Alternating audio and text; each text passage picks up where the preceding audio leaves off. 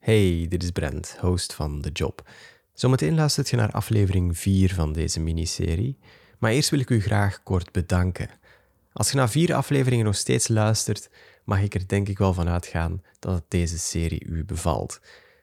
Als je wilt, zou ik het heel hard op prijs stellen, moest je uw enthousiasme delen met collega's, medestudenten en vrienden.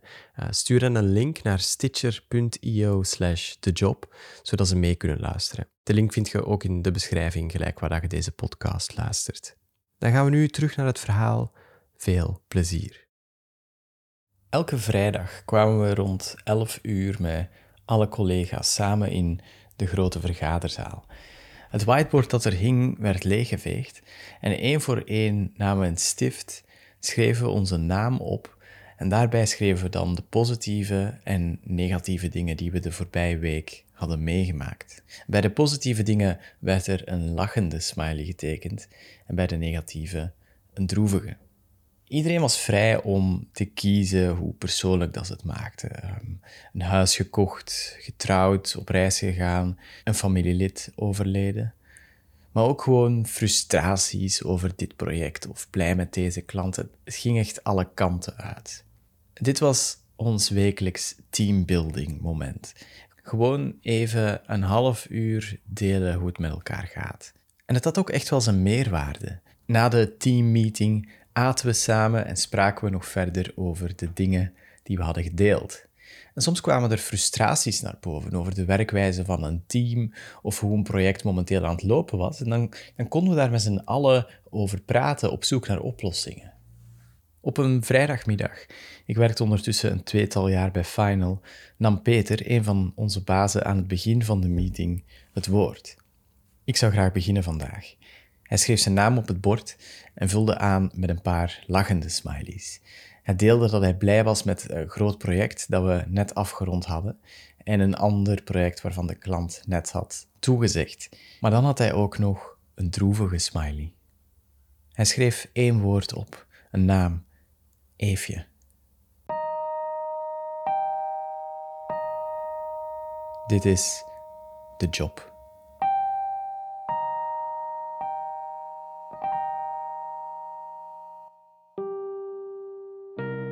Eefje was de designer in ons team. Ze werkte denk ik al een jaar bij Final voordat ik begon. Ze was een beetje introvert, verlegen, maar talentvol en maakte altijd mooie ontwerpen voor onze websites. Eefje zelf was niet aanwezig die bewuste vrijdagmiddag en ze was eigenlijk al enkele dagen thuis. En toen Peter haar naam schreef, dan keken we afwachtend naar hem.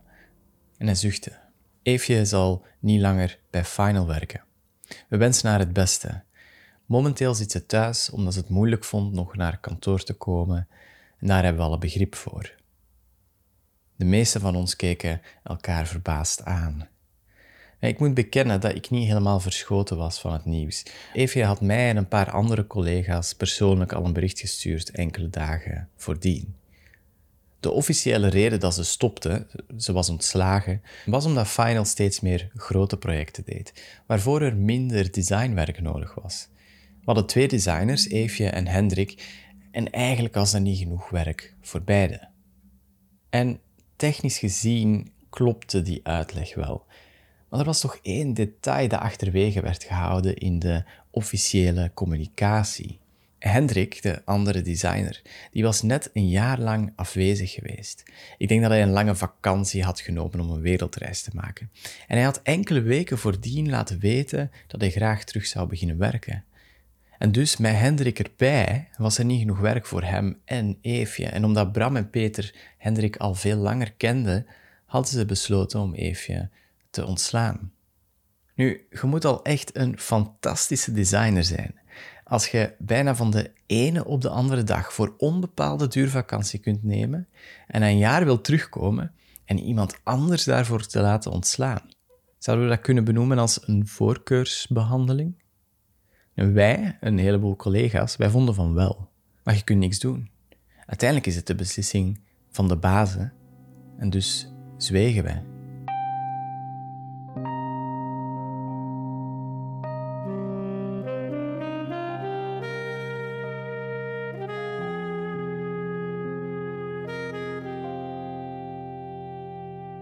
op een goede manier afscheid nemen van Eefje zat er niet in.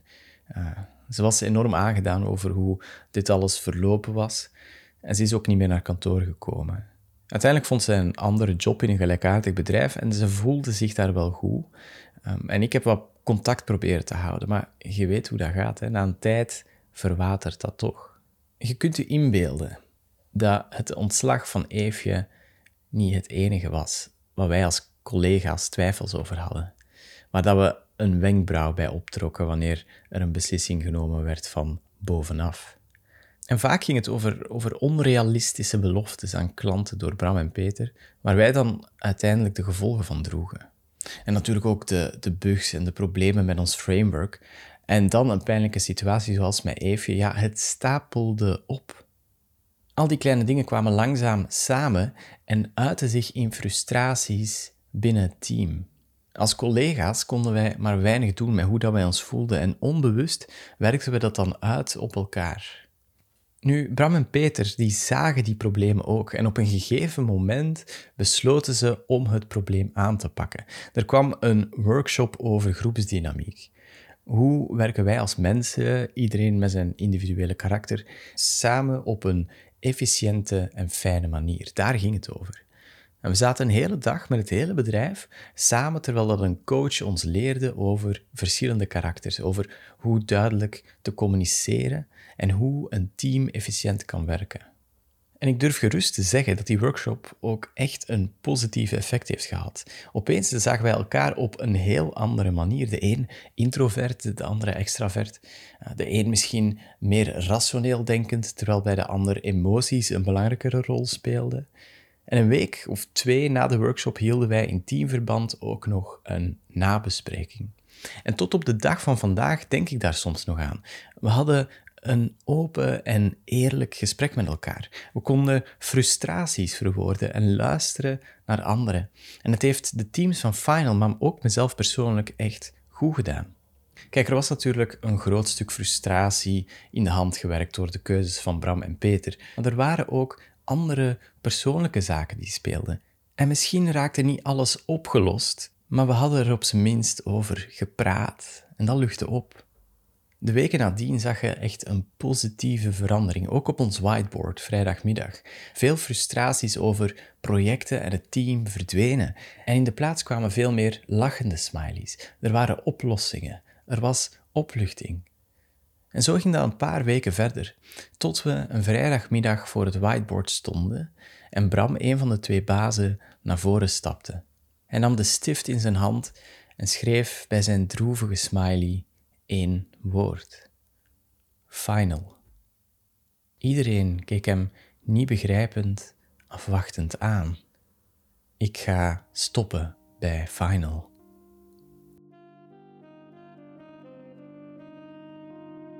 Dat is de volgende keer in The Job.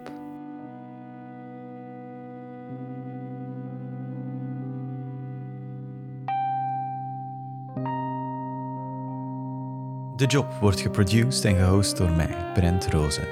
De muziek is van Kevin McLeod en dit hele verhaal is waar gebeurd.